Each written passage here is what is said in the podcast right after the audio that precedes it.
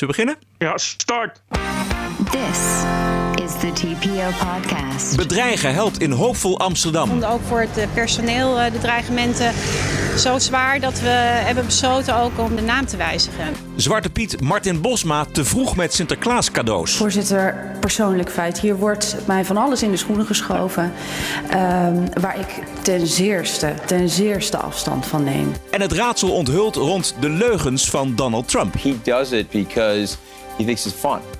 Aflevering 115. Ranting and Reason. Bert Bresson, Roderick Phalo. This is the award winning TPO podcast.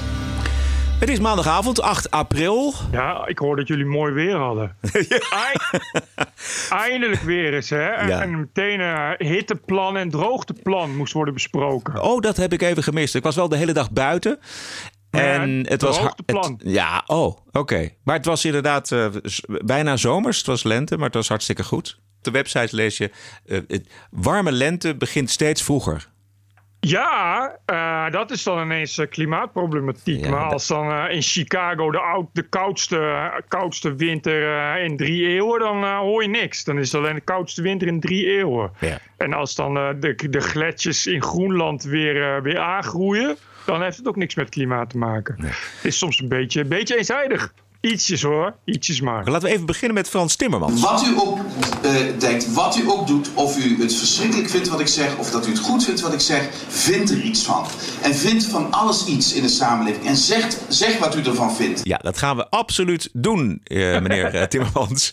Vandaag is Frans Timmermans in Polen in het kader van zijn campagne om eh, voorzitter van de Europese Commissie te worden. En eh, de NOS die kopt heel groot op de, op, de, op de website met Frans Timmermans wil einde maken aan ongelijke beloning mannen en vrouwen. Nou, dat is een fantastisch mooie kop. Boven een artikel over Frans Timmermans, die binnen vijf jaar een einde wil maken aan de ongelijke beloning van mannen en vrouwen. Hij zei dat eh, op een ver- verkiezingsbijeenkomst in Polen. En Timmermans die reageerde op een vraag uit het publiek van een jonge Poolse vrouw. Helemaal niet ingestoken natuurlijk. De campagnevoerende Nederlander en huidig vicevoorzitter van de Europese Commissie is in Polen neergestreken op een druk bezochte bijeenkomst van de partij Lente. Ik beloof dat ik als voorzitter van de Europese Commissie een voorstel op tafel leg dat binnen vijf jaar een einde maakt aan het loonverschil tussen mannen en vrouwen. Zo liet hij de luid joelende zaal weten. En, dan, en als je nou niet wist dat dit van de NOS kwam, dan had je bijna kunnen denken, vermoeden dat dit toch een hele mooie campagneonderdeel was van de Sociaaldemocraten in Europa. Niet, Bert? Het is van een NOS, dus dat is een kwaliteitsorgaan waar we bovendien allemaal belasting voor betalen. Dus eh er stonden natuurlijk heel veel kritische vragen in, toch? Ik heb er nog niet één gevonden, maar ik heb het hele stuk kritische, gelezen. Kritische beschouwingen over bijvoorbeeld of dat wel zo is, die loonongelijkheid tussen mannen en vrouwen. Of daar bijvoorbeeld niet ook nog een heel stevig debat over wordt gevoerd. Over het feit dat vrouwen meer parttime werken en dat je daardoor met cijfertjes kan goochelen. Dat stond er allemaal niet in. Nee. Jawel, toch? Nee. Dat is toch wel, je kan toch niet van een organisatie als de NOS verwachten dat ze dan dingen schrijven als een jubelende zaal. Wat toch een beetje, eh, ja, toch een beetje de rondgang van, eh, van Stalin is door de Sovjet-Unie, zal ik maar zeggen. Ja, maar dan zou je toch denken dat, dat, een, dat, dat daar toch ook nog een stukje, stukje kritiek in zit. Nee, maar jij ontkent dat er verschil in beloning is tussen mannen en vrouwen in Europa? Nou, daar is, ik volg eh, heel veel eh, mensen die, eh, die daar allemaal iets van vinden. En daar is, het probleem daarmee is dat het dus inderdaad altijd hard wordt geroepen. Maar dat het een beetje desinformatie en nepnieuws is. Omdat er even veel wetenschappers zeggen, die, zeggen van ja, dat klopt. Maar dat komt doordat als je de, de part-time van vrouwen daarbij optelt, komt dat zo uit. Maar dat is helemaal niet... eh, weet je, die, want die verdienen dus minder omdat ze part-time werken. En als je, je zeg maar hebt 100 mannen en 100 vrouwen en gaat kijken wat die verdienen, dan, dan is het inderdaad zo dat vrouwen minder verdienen. Maar dat komt omdat ze ook minder werken. Nee, en, die, die nuance wordt dan weer nooit meegenomen. Dat Nee. komt niet door Timmermans, want dat komt ik, niet uit. Nee, dat, dat, eh, maar ik weet ook niet of dat in alle gevallen van ongelijkheid zo is. Ik, Hmm. ik geef toe, onmiddellijk toe dat eh, eh, ongelijkheid een populair verkiezingsthema is. zeker bij de Sociaaldemocraten.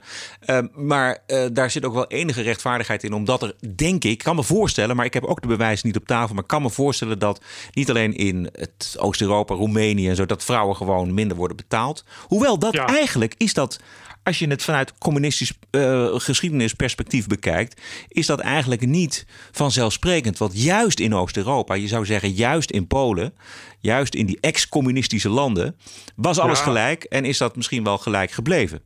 Ja, want sowieso, eh, communisten waren in elk geval pro-vrouwenrechten. Ja? In elk geval in, in eerste instantie. Ja, dat weet En pro-gelijke betaling. Ja, nee, dat was zo. Precies, iedereen kreeg even weinig. Dus, dus vrouwen en mannen. Eh, in Polen zijn volgens mij best wel veel vrouwen eh, in hoge ambten. Dat is dus inderdaad meegekomen met het communisme. Eh, en is het natuurlijk, we weten bijvoorbeeld hè, dat in Hollywood bij de BBC inderdaad presentatrices en minder betaald krijgen substantieel voor precies hetzelfde werk dan hun mannen. Dus natuurlijk, natuurlijk zijn er verschillen, zeker in dat soort beroepen. En sluipt dat er ook in. Maar dat is wat anders dan zoals Timmermans het brengt. En dan te geroepen, binnen vijf jaar heb ik dit opgelost. Ja, zo kan ik er nog wel tien bedenken. Ja. Dat is een beetje een probleem oplossen wat, niet, wat misschien niet bestaat. Ja. Waar, waar- wat maar heel beperkt bestaat, wat ook niet zo'n heel groot probleem is. In elk geval niet zo groot als dat Timmermans en de NOS willen dat het is. Ik vond het vooral van de NOS een rare kop, een raar artikel. Zeker als je dat. Want dat stond er echt. Dat echt in Ja. een jubelende zaal. Dat Ja. echt zo'n. zo'n Luid dat is joelende natuurlijk- zaal. Dat is echt. eh, je bent, bij het ANP heb je ook zo iemand. Ik weet even zijn naam kwijt. Die schrijft dan altijd over de Oranjes. Dat is zo'n zo'n bekende, bekende pro-oranje bejaarde. En die geven ze dan op de een of andere manier vrije hand. Omdat, eh, ja. Eh, ja, oranjes. Nou, maar Weet je, laat maar, maar daarop houden. Maar die schrijft ook altijd van dat soort volzinnen. eh, een breed glimlachende Maxima ging in goede gemoed weer terug op weg. Terwijl ze een joelende menigte achterliet. Dus die schrijft het dan ook gewoon op. En, nou ja, het is natuurlijk ook, ja, ja die, die, dat nieuws over de Oranjes is natuurlijk sowieso niet, dit bestaat niet. Het staat alleen ja, als ze in leg, leg weer op zo'n houweel in een reet zitten en daar weer foto's van maken. Dus dat maakt kan me niet zoveel uit. Maar dat doet me dit een beetje aan denken. Een soort van extra, extra decor waarvan je natuurlijk als, als, als objectieve lezer helemaal niks mee hebt. Nee. Maar ja, dus, het, het- dit is de NOS en ja, de NOS... Ja, Bert valt even even weg. Ik draai een jingle en hoop ik dat Bert weer terug is. TPO Podcast. Ben je er weer, Bert? Ja, Oké, fijn. Dan Amsterdam, de stad van hoop. En hoop is overal om ons heen aanwezig. Zo ook bij het VOC Café in de Schreierstoren tegenover het Centraal Station. Na eindeloze bedreigingen van het type Grauwe Eeuw geeft de eigenaar van het café toe en schrapt na 25 jaar de naam VOC Café. We hebben al 25 jaar dat we deze naam eh, eh, dragen. Dus eh, ja, eigenlijk sinds anderhalf jaar dat er echt eh, dreigementen zijn. En daarvoor heeft er nog nooit iemand een probleem van gemaakt. We hebben aangifte gedaan dat we vorige week eh, eigenlijk een eh, best wel eh, verschrikkelijke bedreiging eh, hebben binnengekregen via Facebook. Dat ze de burn the place down. En eh, ja, we voelden ons eh, niet meer veilig. En we wilden ook gewoon lekker slapen. En we vonden ook voor het personeel de dreigementen zo zwaar dat we hebben besloten ook om daarom eh, meteen actie te ondernemen en de naam te wijzigen. En hoop is overal om ons heen aanwezig. Ja. Terreur en bedreigingen lonen in de hoofdstad van hoop. jezus. What the fuck, ik heb het even gemist. Maar dit is gewoon de schrijenstoren. Ja, daar, daar, ik ben daar wel eens geweest. Het café, heel Ja. café. Kun je afhuren als je eens een, eh, Precies. een, een partijtje hebt. Eh, ik werd er wel eens gezeten met, eh, met RTL, kan me nog herinneren. En dan alleen omdat het VOC-café heet. Ja. En dat is dus 25 jaar lang geen probleem geweest. Of 24 jaar lang geen probleem. En sinds anderhalf jaar worden ze bedreigd. Dat is volgens mij ook eh, de, de tijd dat... Ja, ik, ik begrijp niet dat ze niet weten wie, het, wie de bedreigers zijn. Daar kun je in, een hand omdraaien kun je daar Ja, achter komen. precies. Maar ja, dan zou je zeggen, dan pakken we die bedreigers aan. Toch? Nee, Zo werkt het toch in een rechtsstaat, of niet? Ja, ja, maar je moest dus weten hoe dingen ineens niet werken bij een rechtsstaat als het niet zo uitkomt. Als het gaat om, eh, om eh, mensen die. eh, als het gaat om eh, Wilders vervolgen, dan is het geen probleem. En als mensen een snelweg blokkeren, dan is ook alles mogelijk. En als je Sylvana bedreigt op Facebook. Dan trekt de hoofdcommissaris van de Amsterdamse politie jezelf zelf persoonlijk aan de bel om persoonlijk daarvan aangifte te doen. Maar als het zo is dat je. Terwijl inderdaad, het is niet heel erg moeilijk om uit te zoeken uit welke hoek die komen. Nee. Kan de politie wel een handje helpen als Ja. ze dat willen. Ik denk dat ik niet de enige ben. Uh, weet je, als, als de ondernemers kapot worden gemaakt om echt helemaal niks, uh, uh, dan is het ineens allemaal een probleem. En dan zeggen ze ja, we kunnen geen aanknopingspunten vinden. Ja, Facebook Amerika en dan willen dat niet vrijgeven. En zo gaat dat dus. En dat is wel raar voor ook, vind ik, voor, voor zo'n lieve stad die bomvol ja. lieve mensen zit. Ja. Het, het terreurtuig krijgen niet alleen hun zin, want uh, de eigenaren schrappen de naam. Maar het bedreigvolk zal ook genieten van de schade waarmee ze deze hardwerkende middenstanders opschepen. We hebben namelijk ook pas sinds een paar jaar een heel mooi logo laten ontwikkelen. We hebben ons eigen VOC-bier. Uh, dat kunnen we. hebben eigen VOC-glazen. We hebben net een paar mooie vlaggen laten maken. Uh, het moet allemaal weg. de website moet worden veranderd. En ja, dit gaat natuurlijk eventjes duren. Dus daarom vragen we ook de mensen die dat ze even geduld hebben. Dat we dat natuurlijk niet binnen een paar weken kunnen oplossen. En dat het wel in de komende jaren uh, geregeld is. Jezus, maar die, die, die, ik begrijp dat ze ook al anderhalf jaar worden bedreigd. Ja. Je zou zeggen dat de politie dan toch, toch ook wel ruim de tijd heeft om daar... Bovendien, ik, ik snap niet, dan, dan uh, ja, als je zo'n burgemeester van hoop hebt, dan, dan zeg je toch als burgemeester, laat die naam staan. Desnoods kom ik persoonlijk zelf elke avond voor de deur staan. Je kan toch niet toestaan uh, dat een, een, een, ondernemer in vrijheid dus inderdaad nu echt voor zichzelf schade moet gaan maken, omdat ze anders niet uh, ja, haar personeel, de veiligheid van haar personeel niet kan waarborgen. Ja. Het is toch geen oorlog? Ja.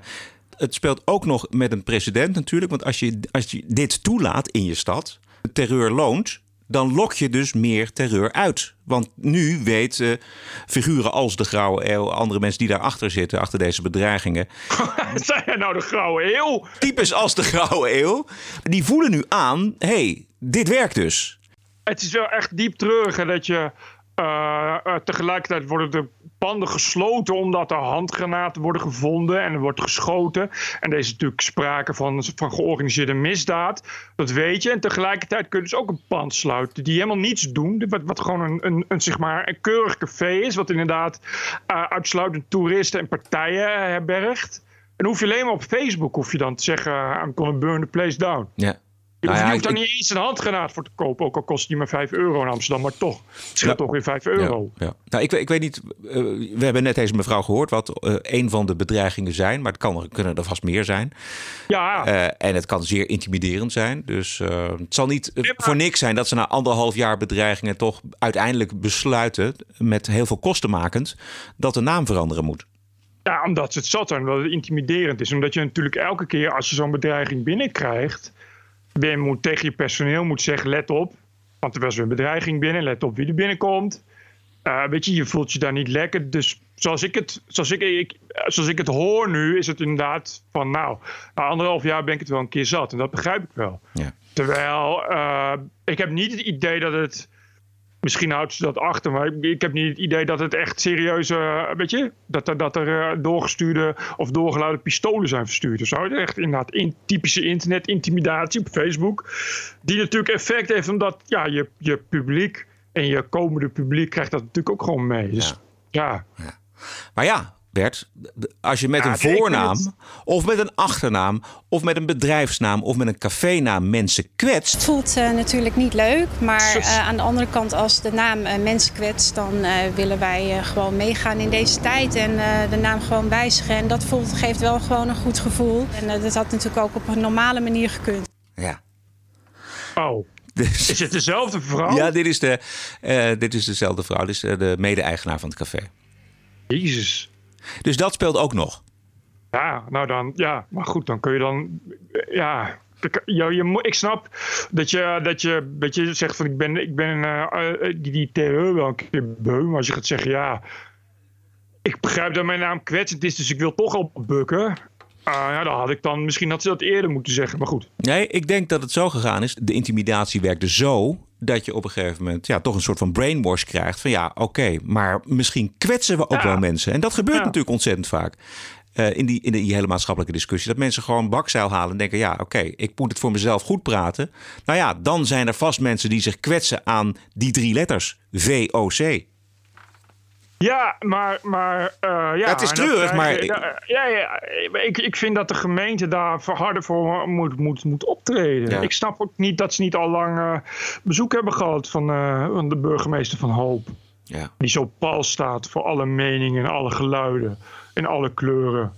Weet je, dat snap ik gewoon niet. Het is ook niet een naam, als het nou echt een naam is, van zich van ja, het is ook niet zo handig om nou die naam te, te nemen. Dat, is, dat weet je, ik bedoel, als je dan in, in de Belmer een café opent met kuifje in Afrika, snap ik dat de mensen zeggen, ja, misschien dat je erover na moet denken.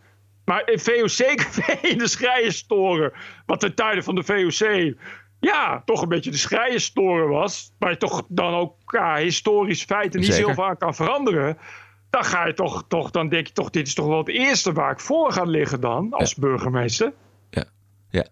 Um, ik zit nog even te kijken of daar nog uh, een nadere berichtgeving over is geweest. Maar ik zie eigenlijk alleen maar pardon, het nieuws. Nee, dat het VOC-café een andere naam krijgt. Punt. Ja, nee, goed. Ik had het ook. eh, Ik zag alleen de kop. Ik had het even meegekregen, maar eh, ik wist niet dat het, dat het zo erg was. Ja. Ik geloof wel dat er eh, opmerkingen over zijn gemaakt in de raad. Maar of Ja. dat ook daadwerkelijk effect heeft gehad, dat weet ik niet. Jij ook niet. Heb jij ook, je, hebt, je hebt toch mollen zitten in de, in de gemeenteraad in Amsterdam? Ja, ja. Oké, nou ik zal even vragen inderdaad. Ja, moet je even doen, Dat ja. is afgelopen. Oké. Dan was er donderdag het mediadebat in de Tweede Kamer over de NPO natuurlijk, de eh, Nederlandse publieke omroep. En zoals altijd, PVV-Kamerlid Martin Bosma, die had er zin aan. En de heer Bosma heeft 30 minuten spreektijd. Ik hoor het plezier in uw stem, voorzitter. ik zal het proberen wat korter te houden. Ik zie dat er hier en daar nog wat nuance staat in mijn tekst. Dat laat ik Ja, dat, is zo, dat zijn Laat ik dan wel gewend van. achterwege. Voorzitter, mevrouw Van der Hul zei net dat een publieke omroep de, het fundament is van de rechtsstaat. Dat is de grootst mogelijke apenkool. Het fundament van de rechtsstaat is de wet. En Joop de Nijl die schreef zeer terecht... wie de wet verzet al naar het uitkomt... baant de weg voor het recht van de sterkste. De wet is de moeder van de vrijheid. En Joop de Nijl die schreef dit naar aanleiding van de Maagdenhuisbezetting... en de bezetting in Tilburg. Eh, zeer terecht, hij gruwde daarvan. Ehm, net zoals je ongetwijfeld gegruwd zou hebben van de demo- demonstratie... waar mevrouw Van der Hul eh in meeliep vorige week zaterdag. Een demonstratie gericht tegen mijn partij en gericht tegen een andere democratische partij, namelijk Forum voor Democratie. Een demonstratie waarin ook wordt opgeroepen tot het vermoorden van een democratisch gekozen volksvertegenwoordiger. Ja, het is eigenlijk een conferentie vol leuke voorbeelden en venijn. As Eh, usual. As usual. Hij slaat ze om de oren. eh, met name natuurlijk eh, deze mevrouw van der Hul van de Partij van de Arbeid. Met hun eh, eigen eh, iconen uit de geschiedenis van de Partij van de Arbeid. Joop de Nou in dit geval. Dit kun je inderdaad gerust aan Martin Bosma overlaten. Ja. Dit Ja. is dit, eh, qua, qua geschiedenis, kennis en het eh, doorprikken van hypocrisie met gebruik maken van, eh, van eh, bestaande en bekende feiten is al eh, volledig Martin Bosma toevertrouwd. Ja. Het duurde niet lang tot de eerste interruptie uit het publiek tevoorschijn kwam. Mevrouw Van den Hul. Voorzitter, persoonlijk feit. Hier wordt mij van alles in de schoenen geschoven. ehm, waar ik ten zeerste, ten zeerste afstand van neem. De demonstratie waar ik in meeliep was een demonstratie tegen uitsluiting, eh, tegen racisme en tegen discriminatie. Eh, en eh, eh, waar de heer Bosma mij hier nu van beschuldigt, dat vind ik alle perken te buiten gaan. Dit zijn groezelige beschuldigingen die ik verre van mij werp. Voorzitter, de Partij van de Arbeid demonstreert tegenwoordig tegen de verkiezingsuitslag. Daarom vond die demonstratie plaats meteen de zaterdag na de verkiezingsuitslag. Het was een democra- demonstratie gericht tegen twee democratische partijen. En er werd opgeroepen tot moord op Thierry Baudet. Voorzitter, wie de wet verzet al naar het uitkomt, baant de weg voor het recht van de sterkste. Joop de Nijl zei het. Mevrouw Van den Hul. Voorzitter, nogmaals, allereerst, we hebben hier een debat over een variawet media en niet over eh, waar al dan niet gedemonstreerd eh, werd door welk Kamerlid. Dat staat ons vrij. Net zo eh, als het omroepen vrij staat. Ze programmeren wat ze willen. En voorzitter, ik wil nogmaals nogmaals de heer Bosma uitdrukkelijk verzoeken eh, niet eh, eh, mij te beschuldigen of deel, andere deelnemers aan die demonstratie te beschuldigen van dingen die verre, verre van de waarheid zijn. Dat werp ik nogmaals uitdrukkelijk naast mij. En ik wil de heer Bosma verzoeken dit soort beschuldigingen echt voor zich te houden. Dat vond ik toch niet heel erg sterk verweer van eh, deze mevrouw van de Partij van de Arbeid. Want uh, Bosma die, die maakt weliswaar een sneer. Maar het klopt natuurlijk wel dat ze in die demonstratie meeliep. Precies. Sowieso, die Kirsten van der Hul is echt heel erg. het is Bosma weet natuurlijk als een soort real-life troll wie hij het best op de kast kan krijgen. Ja. En het is natuurlijk echt episch dat je inderdaad echt zegt... kijk hoe lang het duurt voordat ik mevrouw van der Hulp de kast krijg. Oh, dat was snel. En daar inderdaad uh, uh, op doorduwen in de wrijf. En ja hoor, ze komt weer terug. En dat is natuurlijk de grootste grap van het alles. Dat hij natuurlijk precies weet waar, je, waar die pijnvlek op die ego zitten. Dat die mensen er ook niet afstand van kunnen nemen om dat niet te doen. Je, je, je, als je slim bent, reageer je daar natuurlijk niet. Nee, of je, of je weet, je weet Martin dat. Bosma. Precies. Of je weet dat Bosma uh, aan het woord komt. Uh, hij heeft een half uur spreektijd. En dan weet je ongeveer wel waar die, welke kant hij op gaat. Exact. Dus ja, dan, dan, dan, moet je je daar toch goed op voorbereiden, denk ik. Uh, nog een stukje. De heer Bosma, ja, voelt u zich gehouden aan het onderwerp van vandaag? Ja. En geen persoonlijke beschuldigingen wel, richting wie dan ook? Geen beschuldiging. Ik stel gewoon vast dat mevrouw van der Hulde was. Er loopt een lange weg van Joop de Nijl naar mevrouw van der Hul... en die, en die weg loopt stijl naar beneden. Voorzitter, het fundament van de rechtsstaat ja, is mevrouw van der Hul. Ja, persoonlijk oh, feit. Maar dit, dit gaat echt alle perken te buiten, voorzitter. Ik wil echt de heer Bosma vragen dit terug te nemen. Ja, wat, wat moet hij dan terugnemen? Ja, dat precies. Dat, dat, dat, weg, dat er een lange weg loopt van Joop de naar mevrouw van der Hul... en dat die stijl naar beneden loopt? Stel, ja, maar, maar kijk, wat zij maakt het ook zelf erger. Want hij zegt alleen dat ze het meeliep in een demonstratie waar iemand met de dood werd bedreigd. Dat is gewoon allemaal waar. Yeah. Waarop zij dus inderdaad reageert van ja, je betrekt mij in dat doodbedreiging. Maar dat doet hij dus niet. Want hij is er natuurlijk heel slim in om dat niet zo te doen. Yeah. Je kan hem daar niet van beschuldigen. Hij zegt alleen ja, je liep met me een demonstratie. En waar ook iemand met de dood werd bedreigd. En zij trekt dat niet, want dat trokken ze, dat trokken ze sowieso allemaal niet. Nee. Je mocht niet zeggen, je mocht dat niet met elkaar in verband brengen. Nee, maar als je dan, ja. kijk Bert, als je dan echt slim bent, volgens mij, als je, als je Bosma van repliek wil dienen, dan zeg je: Dit was inderdaad een schandelijke gebeurtenis wat daar uh, plaatsvond. En wij hebben ons daarvan gedistanceerd, uh, meneer Bosma, dat weet u ook. En wat zij doet is echt klassiek meegaan in een frame. Ja. Namelijk, u, u, u bent geen pedo. Waarop je dan gaat zeggen. Pedo, ben ik een pedo? Ik ben helemaal geen pedo. En dan heb je dus een verdachtmaking die er niet was, die je zelf gaat bevestigen. Ja, ja. Weet je, dat, het is echt, echt, ja, ja, die mevrouw heeft toch wel mediatraining gehad, zou ik maar zeggen. Ja, je weet dat toch, dat je dan niet nog eens een keer daarop moet gaan doorgaan. Dan moet je inderdaad dan moet je inderdaad, wat je zegt, dan moet je inderdaad zeggen... nou, ik was inderdaad betrokken bij die demonstratie, het klopt. U heeft mij daar gezien, overigens uit persoonlijke titel... want de PvdA heeft niet meegedaan, niet meegetekend ja. met de organisatie. Dus ik was niet namens de PvdA, dat wil ik bij deze even rechtzetten. En ik neem zeker afstand van de doodsbedreiging ja, die zij geuit. Want die zijn niet uit mijn naam. Weet je, zelfs ik kan het. Ja. Nou ja, als zelfs ik het kan. dit is de, de, de kracht van Bosma. Weet je, dit is, dit is, dat is iemand die natuurlijk echt feilloos uit... uit elk kiertje toch nog bloed onder de nagel vandaan kan zuigen. Ja, dat is ook de bedoeling. Ik heb nog 16 seconden. Ik weet niet wat er zijn. Blijf even luisteren. Nee, voorzitter. Een democraat moet de, moet de verkiezingsuitslag uh, respecteren. Dan moet je ook niet tegen demonstreren. Joop de Nijl zou nooit hebben meegelopen met die demonstratie. Joop de Nijl zou nooit hebben meegelopen met een demonstratie... Maar... waar wordt opgeroepen om een volksvertegenwoordiger te vermoorden. Meneer, meneer Bosma, wij hebben het vandaag over de mediawet. Ja. Zie je, gewoon dat. Blijft vrij. Dit, ja. Wil je, wil je niet de naam van Joop den L noemen? Oh, nee. ik mag dus niet de, ja, de ja. naam van Joop den L noemen. Hoezo mag niet de naam van Joop den L noemen? Ja. Joop den L zou het helemaal niet mee eens zijn als jij zou zeggen dat je niet de naam van Joop den L mag noemen. TPO Podcast.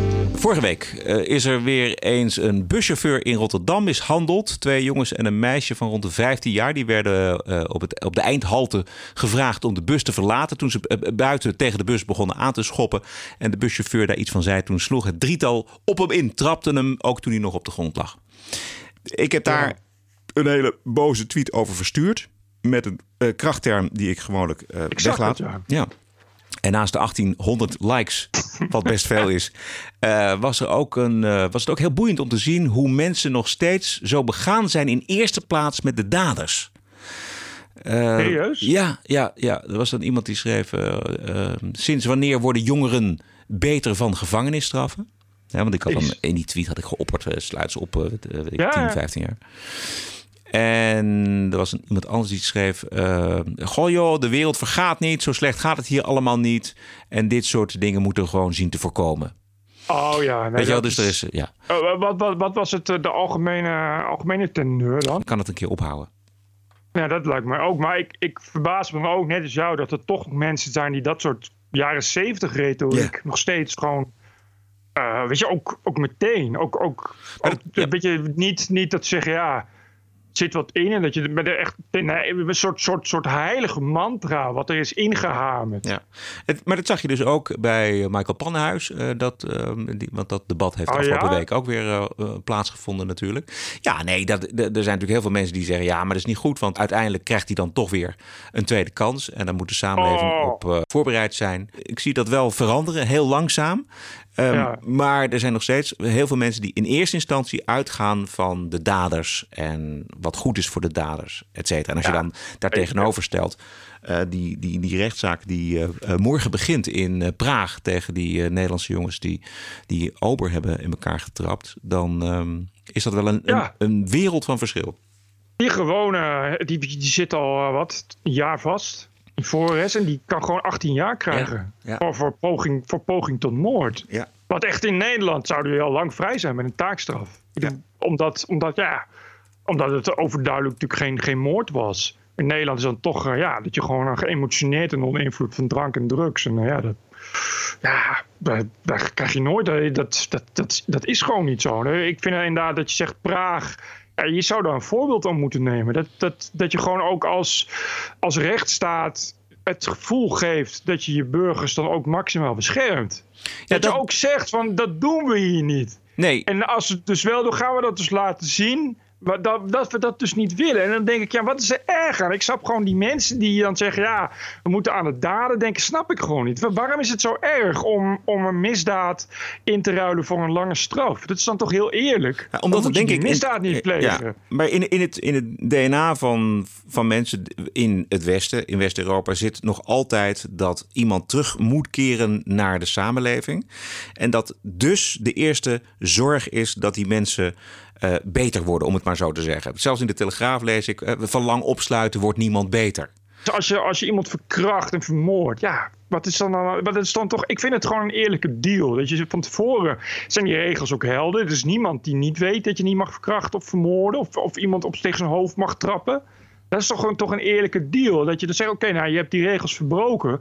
Dus ja, dan, dan halen we je uit de maatschappij voor hele lange tijd.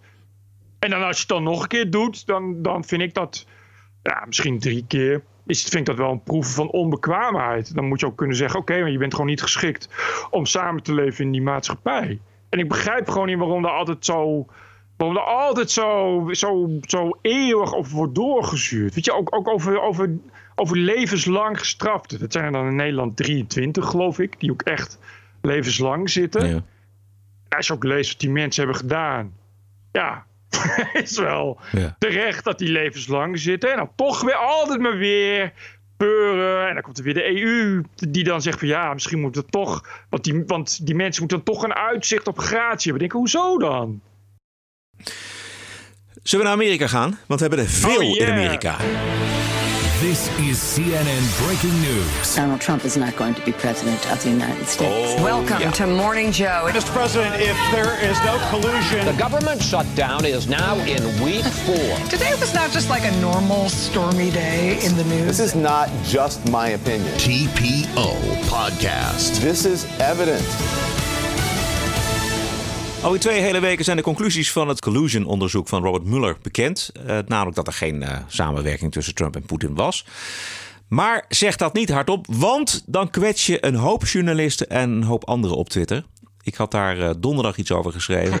en, en onmiddellijk word je besprongen door collega's die roepen van... je kunt zoiets niet schrijven als niemand nog dat Mueller-rapport heeft ingezien. En je bent een Trump-fan en je bent een ontkenner van de feiten. Ja. Ik zag het. Ja. En nou ook, heeft... Uh, ja. Maar die ook, dat jij ook zei van wat klopt er niet dan? Ja. Weet je, wat, wat is er mis, man? Je krijgt er gewoon geen antwoord op. Nee. dat is heel raar. Nee. De, de linkse-Amerikaanse journalist Glenn Greenwald... die uh, zei daar deze week ook iets uh, interessants over. Niet over mij natuurlijk, maar over journalisten... die net iets anders zeggen of schrijven... dan we eigenlijk allemaal moeten vinden. I think one of the things that we've seen over the last two or three years is that journalism more than ever is a profession of complete groupthink and mob rule. In part because it's really difficult to be a journalist these days because of financial constraints. Big media Right. outlets are laying off huge numbers of people. So if you're a young journalist, the last thing you want to do is stick your head up and challenge the prevailing consensus because you could lose your job, or if you lose your job, it'd be really hard to get another job. Um, and also, Twitter makes it so that journalists constantly talk to one another and create these sort of gangs that designed that are designed to punish anybody who challenges their orthodoxies. And I think journalism has completely disgraced itself at the exact time that they're claiming that a grave danger to the republic is that Trump is demeaning journalists. They've done more to demean their profession with this behavior, calling people Russian agents who question them, or Trump supporters, or apologists, or denialists. They have a whole long line of accusations and new terms to stigmatize anyone who questions their dissent. Ja. Groepsdenken en Twittergangs hoorde ik. Ja, nou heeft hij een punt. Wat er gebeurt is namelijk dat je, dat je gewoon weer terug in de rijen wordt geblaft. En, en, en geboelied als je, als je eh, inderdaad... Al, als je al de gedachte hebben als jonge journalist... wat hij dus zei, hoe, hoe je als, als journalist... je bent een jonge beginnende journalist... ja, dan durf je toch niet zomaar even tegen de mainstream mening... eh, van andere journalisten in te gaan. Want het, ja, het is moeilijk om een baan te vinden... en dan vind je al helemaal geen baan meer. En er is ook nog zoiets als, als inderdaad de social justice on the social media. Je wordt er gewoon in, dan in, in, in ja, wat hij zegt, gangs, echt groepsgewijs krijg je, krijg je bevelen en marsorders en word je weer terug in het gelid geblaft als je het waagt om daar, eh, daar dan eens even... Ja, dat, dat is wat jij net dus ook al beschreef en ervaart. Ja, ik, ik ervaar het op Twitter vooral. Ik ervaar het niet bij RTL op de redactie, zeker niet. Nee, het is echt een social media ding. Ja, maar ik kan me dus ook voorstellen dat het op redacties plaatsvindt. Dat stel je voor dat je met een onafhankelijke mening of idee en kijk op het nieuws eh, nieuw op een redactie komt als jonge journalist. En je merkt dat daar een soort van ja, een groepsdenken is over bijvoorbeeld Trump of ook even andere onderwerpen. Dat je dan eh, wel drie keer nadenkt om daar tegenin te gaan. Ik zag een eh, aardig clipje van eh, Christiane Amanpour. De, to- toch de, de- een van de grootste, de Mm. allergrootste bij CNN. Ah. En toen ehm, de- dacht ik, oh ja, er is twee maanden geleden is, was zij hier in Amsterdam te gast. Werd zij geïnterviewd door Ilko Bos van Roosentaal in het Tuschinski Theater. En toen ging het over objectieve journalistiek. Klein stukje. Our golden rule is objectivity. The thing that is the golden rule for every journalist is objectivity. Now, objectivity means definitely telling all sides of the story, but it definitely does not mean drawing false equivalences and f- either moral or factual. So I wasn't going to say, well, this person is equal to that person. I wasn't going to equate the victim and the aggressor. Um, and I think that in in uh, in times of this kind of issue, if you do be, if you are neutral instead of truthful, you are an Not accomplice. You're an accomplice. You're an accomplice, dus je bent een medeplichtige. Dus zij zegt, objectiviteit is de journalistieke standaard... maar dat betekent niet dat je neutraal verslag moet doen. Nee, gaat... dan ben je mede schuldig. Ja, dan ben je mede schuldig. Nou ja, het is, ik, zij is heel erg. Dat is toch raar? eh, nou ja, ik, zij zat toen ook bij eh, College Tour. Ja. Met Twan Huis. Eh, en toen ging dat dus over, eh, over de oorlog in, eh, in Servië destijds. En toen legde ze uit, en dat was frappant, omdat ze dat deed aan de hand van een foto, wat achteraf later bleek dat nepnieuws te zijn. Dat is die foto van een uitgemergelde Man. Bosniër, wat is het? Een man. Achter een hek. Ja, prikkeldraad. En dat- prikkeldraad. En dat bleek in werkelijkheid iemand die zo, hij was zo mager omdat hij een darmziekte had. En dat prikkeldraad was gewoon een stukje hek wat er toevallig op een weiland stond. Eh, daar is, is, eh, op basis van die foto had zij toen al geconcludeerd dat ze in deze strijd partij moest kiezen. Omdat het volgens haar ging tussen goed en kwaad. Ja, Ja. toen dacht ik, ja, ik weet eigenlijk wel voldoende. En ik vind het, vond het extra ironisch dat ze dat dan ook nog doet aan de hand van iets wat achteraf ook nog eens nepnieuws was. En werd dat ook je- gezegd in die uitzending? Dat, dat dit, een, wat is, dit is een hele beroemde foto. Eh, en, is, en hij- eh, de foto suggereert dat er eh, sprake was van een concentratiekamp. Deze foto was niet een concentratiekamp. Het, het zit zo. Paul Hekkens heeft bij ons op TPO daar een uitgebreid verslag van geschreven na die uitzending. En daar inderdaad gezegd, hoe zit dat? We hebben ook gevraagd, een reactie. Aan de redactie van Nieuwsuur. En hun, redactie reactie was: ja, natuurlijk wisten wij dat dat achteraf een nepnieuwsfoto was. Dat het is uitgebreid in de pers gekomen. Er is ook een blad voor kapot gemaakt door ITV en rechtszaken. Dus uh, ja, natuurlijk wisten wij dat. Maar later is ongeveer op die plek zijn daar wel gruwelijkheden plaatsgevonden en waren er wel concentratiekampen. Dus vonden we het opportun om die foto te gebruiken. Ik vind dat een hele rare reactie tot de dag van vandaag. Uh, ik vind het heel raar dat je dat er dan niet bij zegt. Ook omdat het zo'n inderdaad een iconische foto is geworden waarvan uiteindelijk iedereen wist. Uh, en, maar het zegt ook dus iets over hoe die Amanpour. Weet je, hoe, hoe, hoe, hoe snel dat dus werkt. Een, vorm, een beeldvorming waarop zij dus uh, goed en kwaad ga, gaat scheiden. En, en, waardoor je dus, en dat zie je dus aan die foto, aan, aan dus het feit dat het nu nog steeds zo wordt gebruikt, waardoor je dus uh, uh, uh, ja, aan feiten tekort gaat krijgen.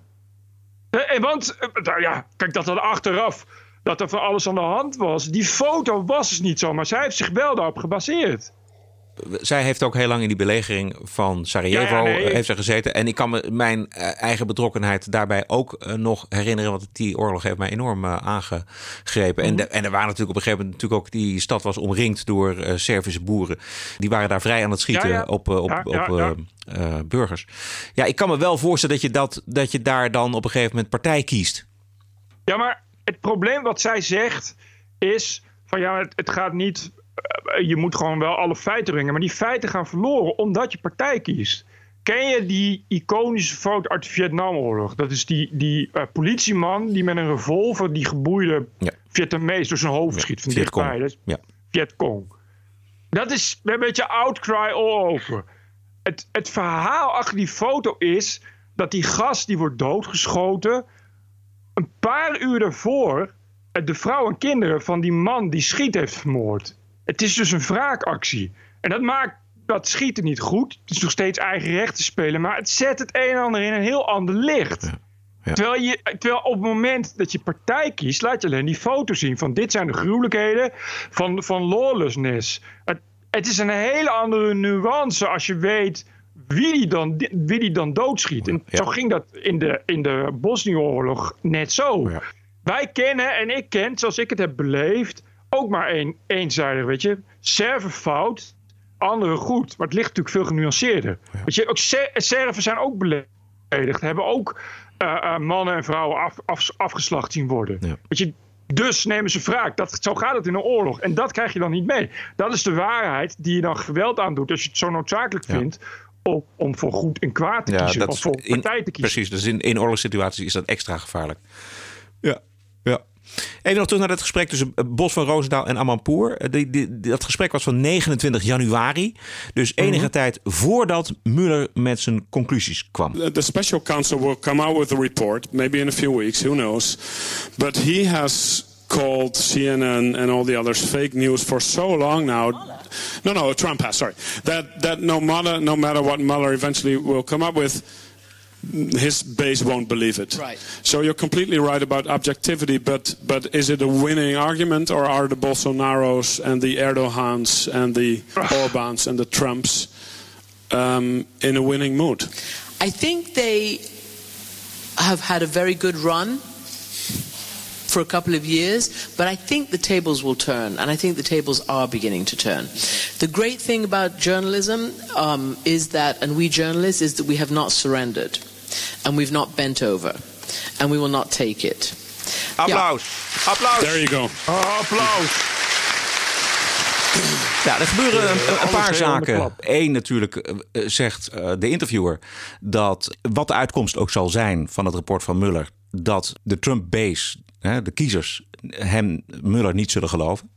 Nou, het, het, het, ironische wil natuurlijk nu dat er een uitkomst van dat Muller-rapport is. wat niet geloofd wordt door de journalisten. Ja, ik wou niet zeggen, dit gelooft de Trump-base wel. En het tweede wat mij opvalt is dat alle dictators van de wereld worden op één hoop gegooid. En daar zit uh, ja. Trump zit daar ook bij.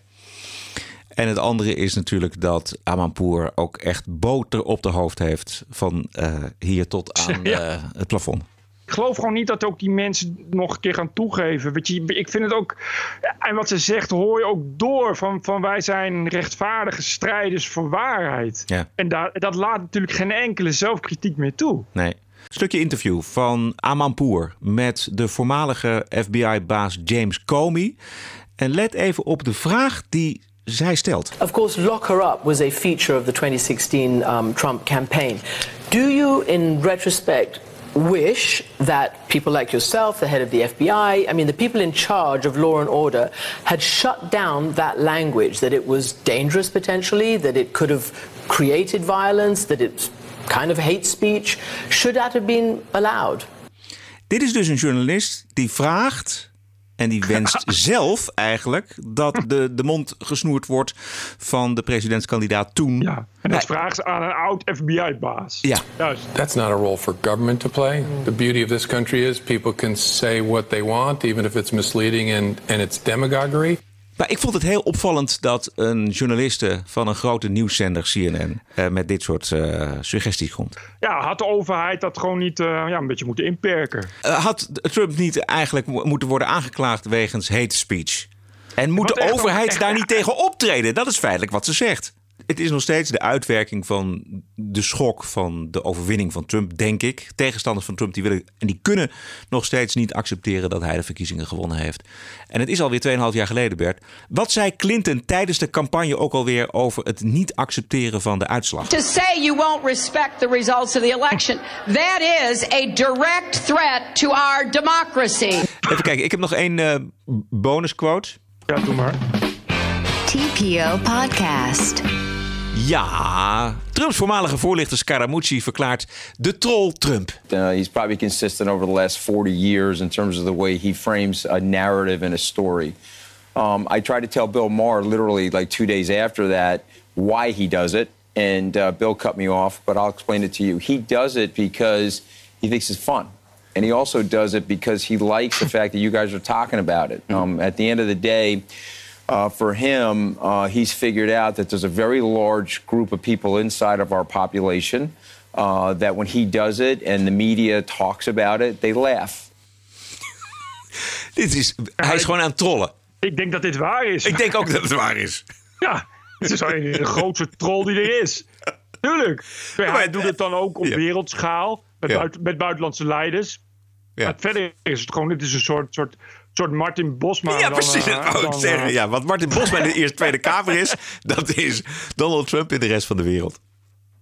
Volgens mij, Martin Bosma was ook een van de eerste Twitter-volgers van Trump. Oh ja? voor de, nog, nog ver voor hij presidentskandidaat was. Dus ja, dit is, dit is waar. Het is waar.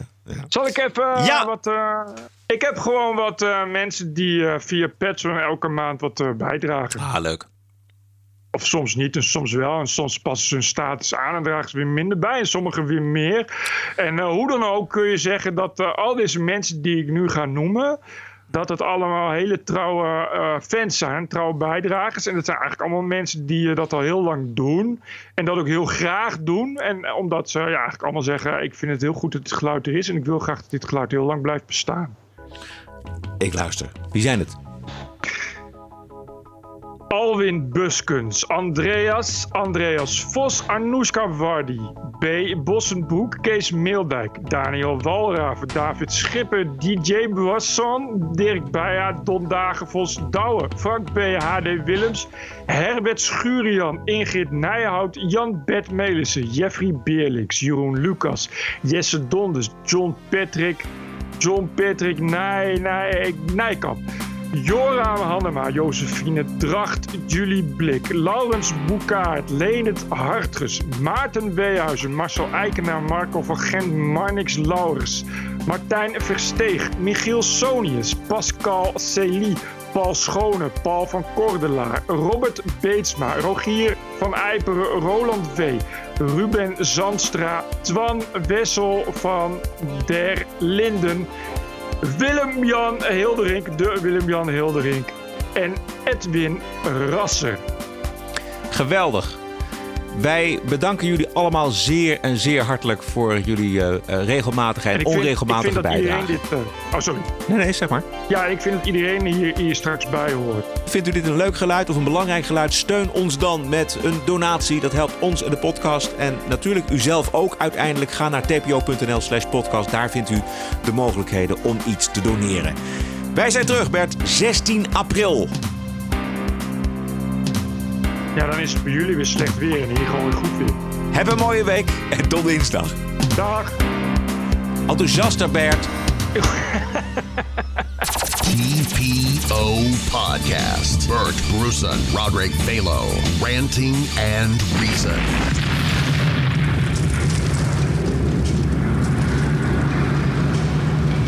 In Nederland heb je natuurlijk dat, dat er best wel grote verschillen zijn tussen mensen met hoeveel geld ze hebben. Vinden jullie dat eerlijk? Ik vind het wel eerlijk, want dat ligt aan mijn opleiding. TPO Podcast. The award winning TPO podcast can be heard on the No Agenda stream at noagendastream.com.